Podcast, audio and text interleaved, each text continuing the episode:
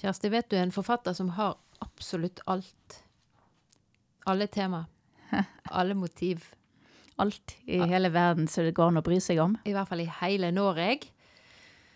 Det er Pål Helge Haugen. Han har skrevet så mye fint om musikk og sykdom og alt mulig. Kanskje litt om yrker òg? Ja! Siden det er det vi skal snakke om i dag. Han har et dikt der tittelen står i parentes og kursiv som heter Gamlelæreren. Jeg skal lese akkurat nok til at du blir veldig sugen på å finne resten. Det begynner sånn. Kom grytidleg om morgenen slik. På dårlig brøtte vintervegar, med sykkel og sykkelklemme, og tente opp i den svarte kakkelovnen. Så kunne han pakke opp dagen og legge den klar til vi kom. Du hører på den litterære podkasten Det store i det små. Og vi er Kjersti Sandvik, journalist og forfatter. Og Grete Fatima Sayed, litteraturviter, forfatter og oversetter. Vi har fått støtte fra Litteraturhuset i Bergen, Bergen kommune. Kulturrådet og Fritt Ord. Du, Kjersti. Yes. Tenk å ha noen praktiske personer i familien enn f.eks. rørlegger eller elektriker. Eller nå har vi sittet i to timer og ventet på en datamann i Ja. dette studiet. Og hva gjorde han? Han flyttet på en ledning fordi at de lå så nært hverandre at det kom en sånn zzz-lyd. Jo, men han er jo ikke noen eh, Han er en akademiker sjøl. Det, det der, der er kjønns... eh, Kjønnsrelatert. Ja, ja, ja. Fordi Du mener at menn er født med evnen til å lokalisere en dzz-lyd? Nja, Det var litt overdrevet, men altså, menn har en større tendens til å kikke baki. Hvor kommer denne ledningen? Hvor går den? Mens vi bare øh, sant? Det, det er liksom noe med det interessen for å se ok, den hører til der, og den det, Den der, der mangler. Hva drømte du om å bli når du var liten, da? Jeg drømte vel om forskjellige ting, men eh, jeg drømte Tannlege var en av de tingene jeg Helt galt! ja. Hvor fikk du den ideen Jo, jeg syntes det var så fint med gulltenner, så tenkte jeg da kunne jeg ha så masse gulltenner i vindle. Og så kunne jeg slippe å få hull i tennene, da kunne jeg spise så mye snop jeg ville. Å ja, så du trodde at jeg kunne spise snuff og likevel Men jeg har en gulltann. Ser du det? Inni der. Nei, Helt bakerst jeg der. har nærsyntbrillene på meg. En jeksel. Har du det? Ja, Det så hvis jeg blir kremert noen gang, så må jeg bare huske å hente ut den der gullklumpen. Den er kanskje verdt noe. Du, vi skal snakke om yrker. Men hva ville du bli da? Da jeg var liten. Jeg, jeg kan ikke huske når jeg var helt liten, men jeg var sånn uspiselig tenåring, så skulle jeg jo redde verden. Da skulle jeg bli sånn eh, menneskerettighetsjurist. Jeg hadde lest Albert Schweitzer, du vet han legen som holdt på nede i Afrika. Men jeg, jeg tror ikke jeg hadde noe lyst til å bli lege, men jeg skulle bli jurist. Så jeg begynte faktisk på juss. Gjorde du? Hæ. Hvor lenge holdt du ut da? Jeg holdt ut noen måneder til risikoens overgang i kjøp. Det skrev jeg en oppgave om, og så skjønte jeg at dette Hørtes spennende ut. Ja. Men um, hva er det mest eh, litterære yrket, da? Mest litterære yrke? Forfatter? Ja, det det er ganske mange bøker som eh, handler om forfattere som skriver om forfattere som skriver Det eneste de kan noe om, vet du, stakkar. Du tenker det er det det er? Kunnskapen mangler? Ja. De kan ikke noe om disse ledningene og Nei. Hvordan, altså, hvis det skulle liksom vært en elektriker eller en heismontør som, som hovedpersoner, så De vet ingenting om de. Det er som Men det to har jo forskjellige vært en tid i vår kjære litteraturhistorie der f.eks. industriarbeideren sto ganske høyt i kurs, da. Ja. Men det var kanskje mer som et middel, et politisk middel. Altså. ja. Var ikke det liksom en sånn Nå skal jeg være litt forsiktig, nå er det sikkert veldig mange som kan dette veldig mye bedre, men du hadde jo litt sånn politisk eh, ånden i landet vårt. Ja. At man skulle proletarisere seg. Ja, vi er på 70-tallet nå, Ja. sant? Det var jo Jeg vet ikke hvor mange som faktisk gjorde det. Jeg tror det var noen nå, men, men det var i hvert fall mange som skrev om Og fabrikker og Hadde. Mao, bilder av Mao på veggen og Mm. Men jeg har jo altså Jeg var ganske ung, tror jeg, når Kjartan Fløgstad eh, kom ut med Dalen Portland. Mm. Og, og han, altså, han var jo en sånn Det var jo ikke akkurat jeg kan ikke tenke meg at en ung tenåringsjente var liksom eh, i målgruppen, men den boken fenget meg noe så voldsomt. Så tok jeg den fram igjen nå, mange, mange år senere, og ser jo at den er, sant, den er jo bare et sånn voldsomt driv i den boken. Når han begynner liksom at hvem er han der, er ikke det sønnen til et eller annet Høysand, husker ikke hva de heter. Hva er det han springer til da?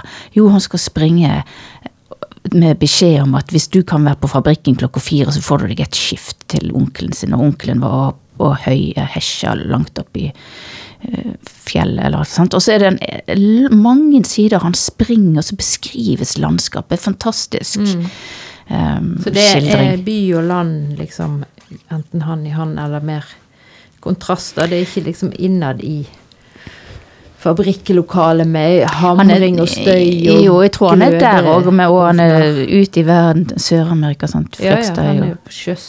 Det var jo en fin sånn arbeidsmulighet for skoletrøtte gutter, da. Mm. Reise til sjøs. Ja, nei, men det var i hvert fall en bølge der med hele halve rukkel av forfattere. Dag Solstad og Espen Håvardsholm og Tore Brustad og Truls Øra. De skrev veldig mye om eh, radikalisering og ja. solgte Klassekampen og ja. Så det var den tiden, men nå er det Vigdis kanskje Hjorth, da, hun kom ikke inn der. Uh, I den, selv om hun kanskje hører litt til den generasjonen. med sin uh, hjulskiftarbeider. Den kom jo litt Ja, den kom jo mye seinere. Nå må ikke du foregripe her. Jeg tenkte Vi glemmer den litt. Jo, nei da, du kan få lov å snakke om Jeg den. skal bare ta den fram her. ja. Men um, ja, liker du den? Ja, jeg liker jo Vigdis gjort generelt veldig godt. Det gjør jeg. Og den uh, juleskift kan jeg bare vente litt med. Nei, kom Skal vi igjen. ta det med en gang? Ja, ja, ja. nei, altså med Den kom da ut i året 2007. Uh, og den er jo litt sånn På en måte Det er jo hun eh, hovedpersonen da som er professor eller forsker på Universitetet i Oslo i litteraturvitenskap. Egentlig litt lei av seg sjøl og typene hun treffer der. Altså, alt er liksom veldig sånn forutsigbart. Mm. Hun er egentlig litt lei av livet òg, å isolere seg. Og så er det en venninne som lokker henne med på Nesodden bluesfestival. Ja, men du, bare la meg spørre noe, Ja. for det, det er jo òg en veldig sånn typisk kontrast. Sant? At akademia, der er det litt sånn støvtørt og sterilt og kjedelig, og det er ikke der det virkelige livet Mm. befinner seg. Så det er den Er det litt kokettering, kanskje? Eller? Jeg vet ikke, men det, den boken hviler liksom på den fordommen, eller stereotypien. Ja. Og så drar hun på bluesfestival på Nesodden. Treffer the real people.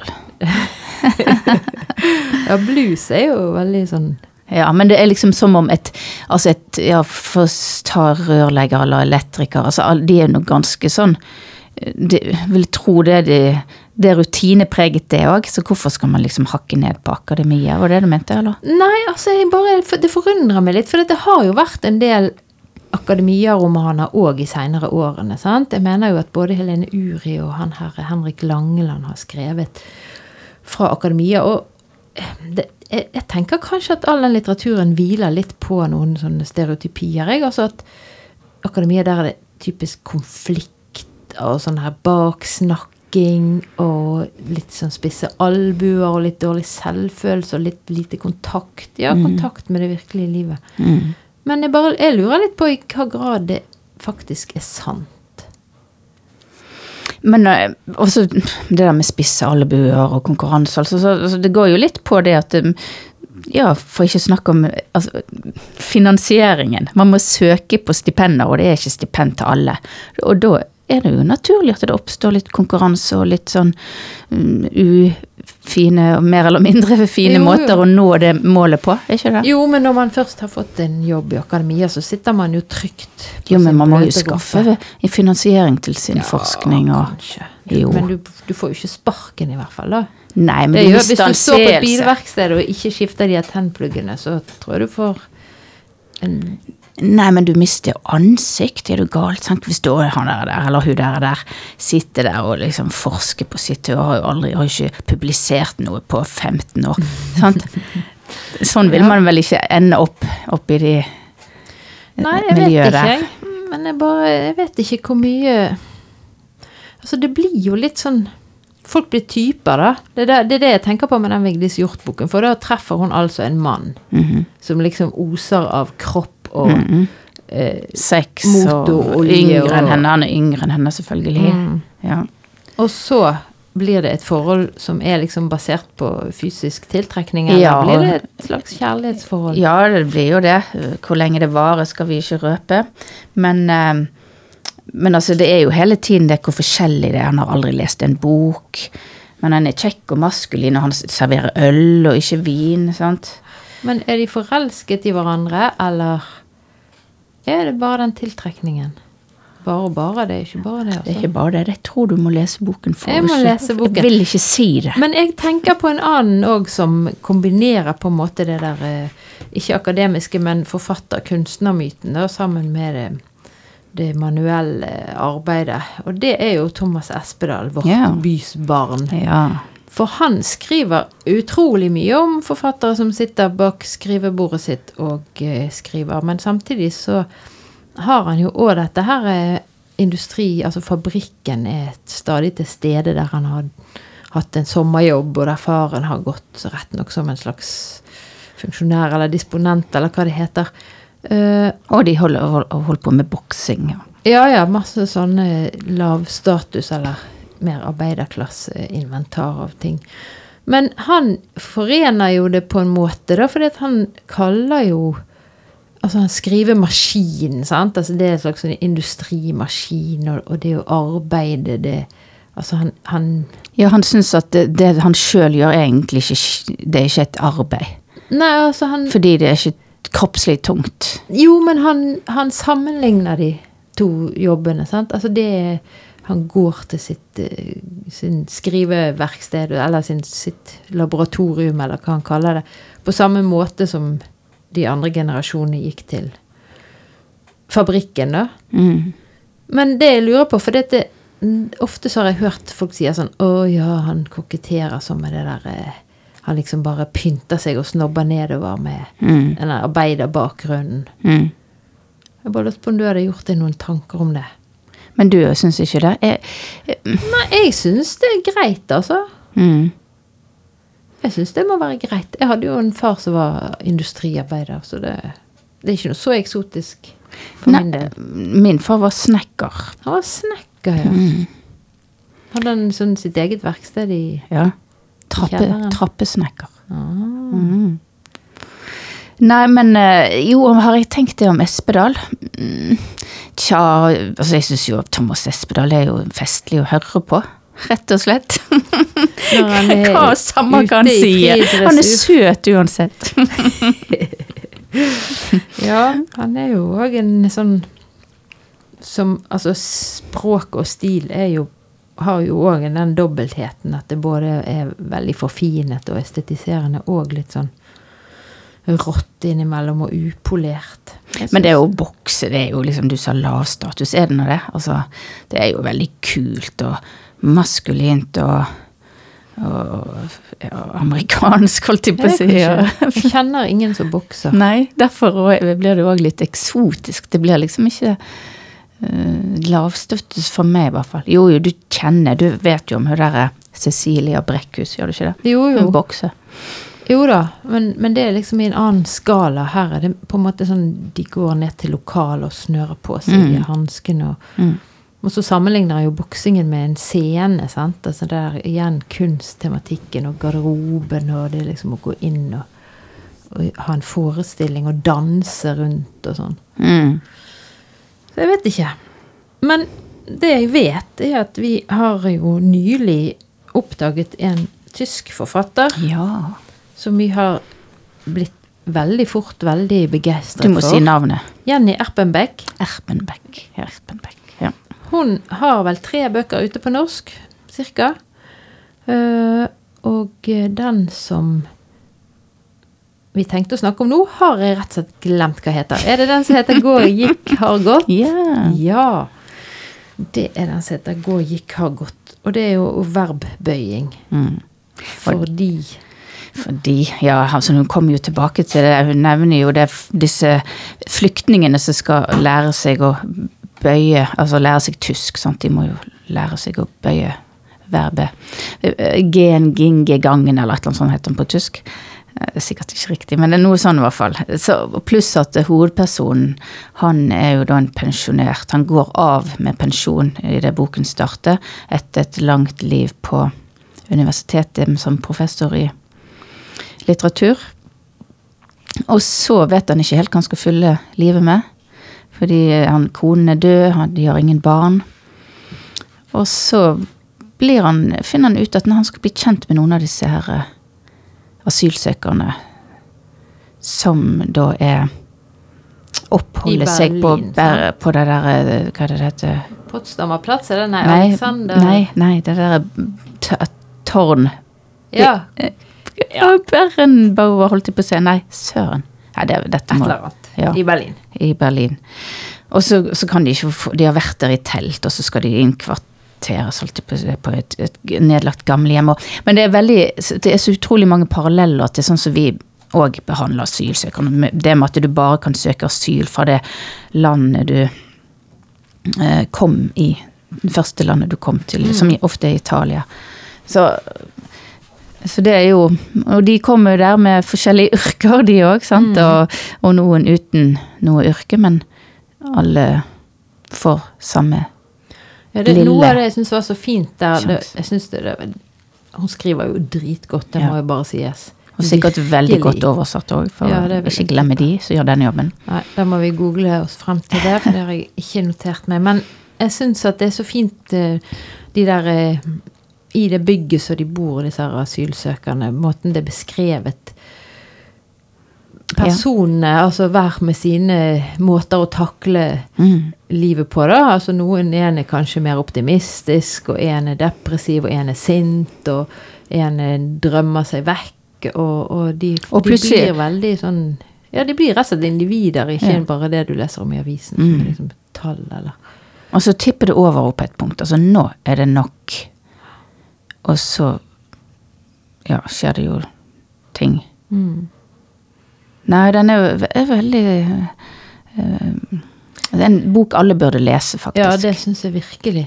Den er òg veldig sånn Altså, det er jo det er, det er trist, og det er politisk opprørende og alt sånt, men det er òg veldig vakkert, og noe av det er den stemningen rundt der han bor. Han her er pensjonerte professoren. Mm. Inne i huset, og hvordan han har det der, men òg at det er et lite vann der. Og så, Mm. jeg tror det er noe av det første som blir sagt, at det er en person som har forsvunnet, som har druknet i det Mm. vannet Mm. tidligere på en måned siden, eller to, eller noe sånt. Og de har aldri funnet den, så da vil Nei. ikke han gå der lenger og bruke det vannet til å bade i og sånn. Ingen vil bade der lenger. Nei, men så venter jo du liksom på at den personen, eller det liket, skal stige opp. Ja.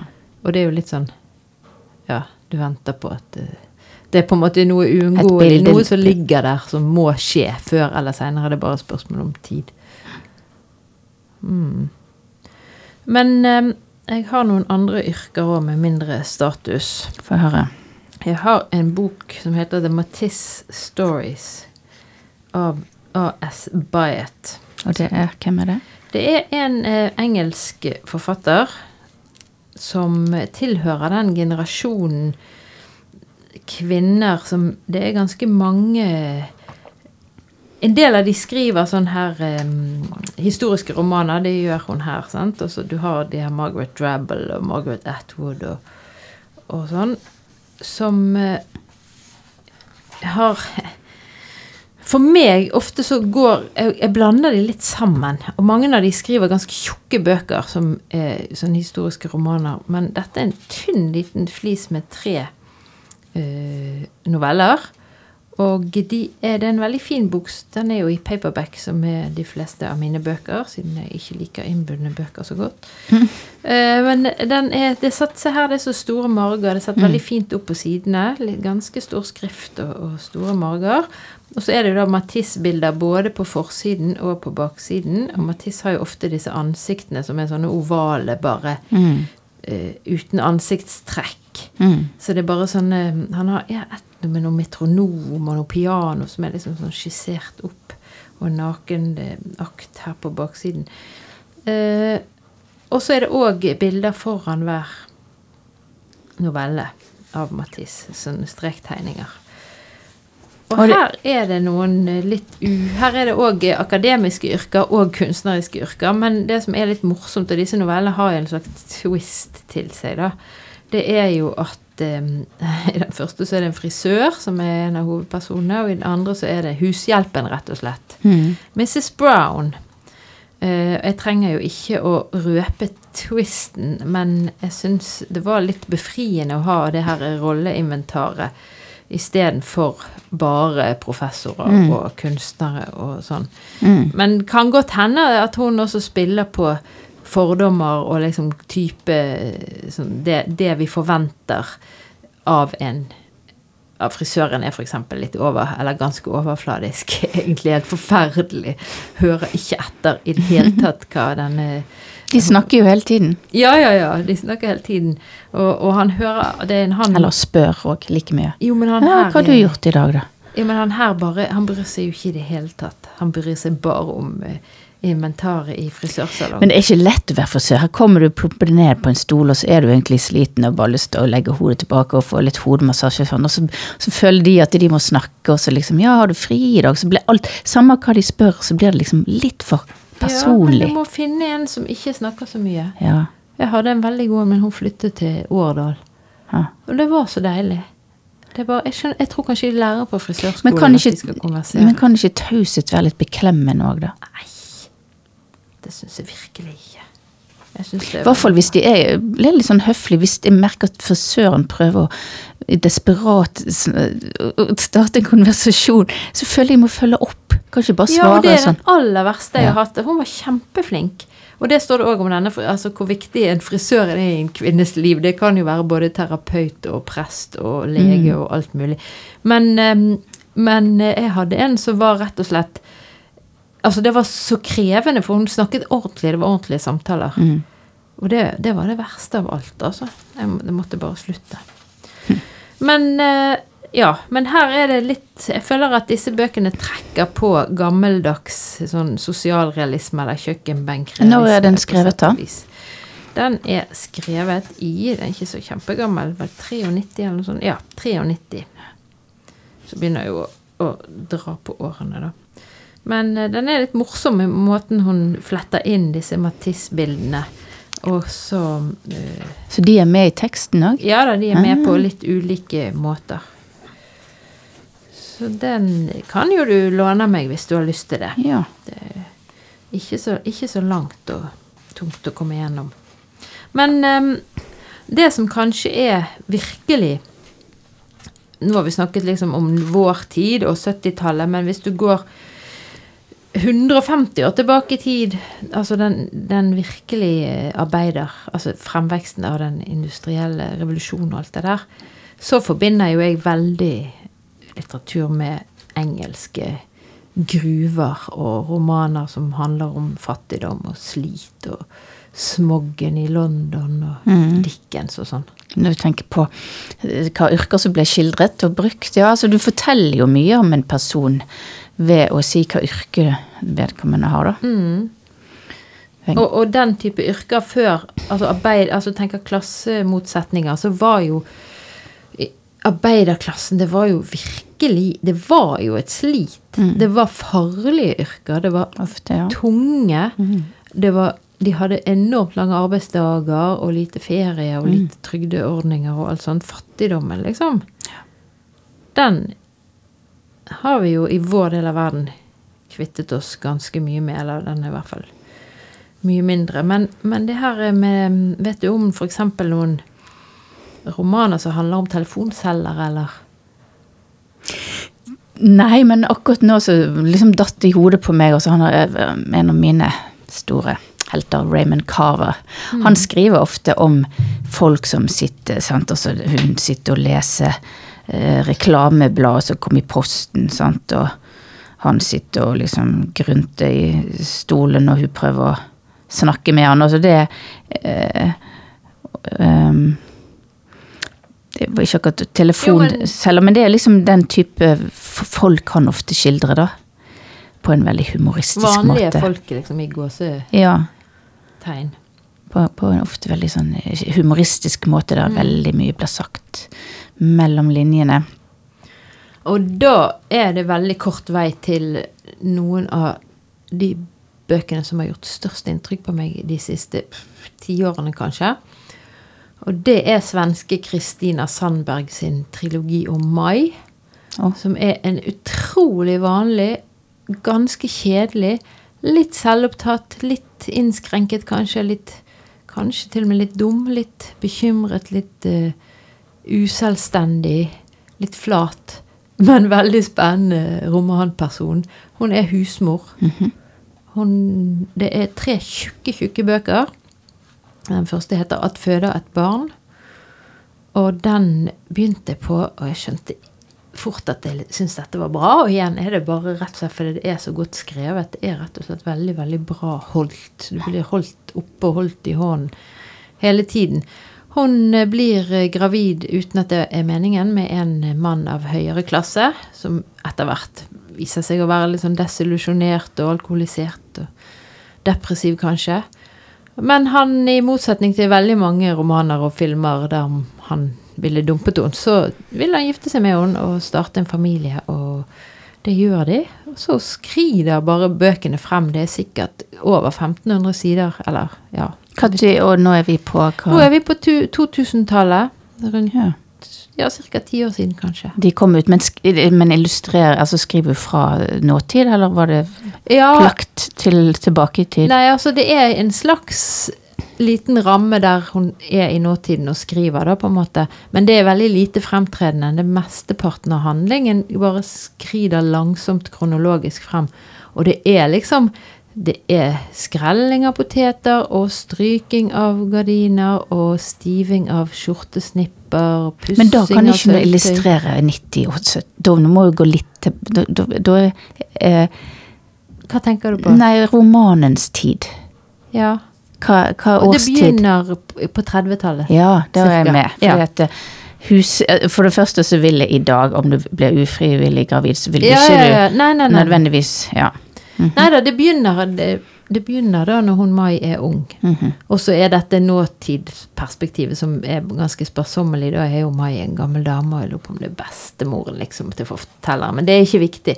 Det viktige er at du kommer inn, du blir sugd inn i et utrolig kjedelig liv, men med sånne bitte små nyanser som eller Jeg vet ikke egentlig om livet heller er så kjedelig, men hun har altså hun har Mai, hun har liksom ingen fremdrift. Sant? Det er ikke sånn Hun skal ikke frigjøre seg, sånn som mange eh, lignende romaner, i den grad det er noen som ligner, ville vært. sant? Og det blir ikke liksom skilsmisse og konflikt. Det er ingen dramatiske handlingstopper. Men Det er godt gjort å skrive så, Ja, ja, ja. fengende. Men, men det er det vanlige, liksom. Det, det vanlige, vanlige, vanlige. vanlige, vanlige. Og da, når du innstiller deg på det, så er jo det vanlige inneholder jo alt òg. Mm. Fødsel og død, altså, mener det er jo det vanligste av alt, og det er helt sykt Mm. dramatisk. Mm. Det var et godt tips. Ja, det er juleferien, altså. Romjulen, og ligge Ja. på sofaen og spise klementiner. og- Men du leste den på svensk? Ja. Det er bare det første bindet som fins på norsk. Ja. Men du Hvis du skulle valgt helt på nytt Du er jo journalist og forfatter. Hva kunne du tenkt deg å Ville du blitt tannlege, da? Nei. Ikke budeie heller, som òg var på På agendaen? Ja. Er du glad i dyr? Du kunne blitt dyrlege. da. Du må jo velge noe med litt status. Nei um, Arkeolog òg var kanskje den Kanskje Eller kanskje havforsker. Det kunne du tenkt deg. Ja. Vet du hva som har sagt? For å forstå jorden må man forstå havet. Ja. Det Fridtjof Nansen sa det. Fridtjof Nansen sa det. Men hva ville du blitt, da? Ville du blitt frisør, eller? Nei, det har jeg nå heller aldri ment. Det kunne ikke blitt noe med hendene. Jo, det var en av de som sto på listen min en stund. Var det Ja, ja. Nei, jeg kunne tenkt meg, men det hadde jeg aldri tord. Men hvis jeg hadde tord, så kunne jeg tenkt meg å blitt jagerpilot. Du har nå hørt en episode av den litterære podkasten Det store i det små. Og hvis du likte det du hørte, så følg oss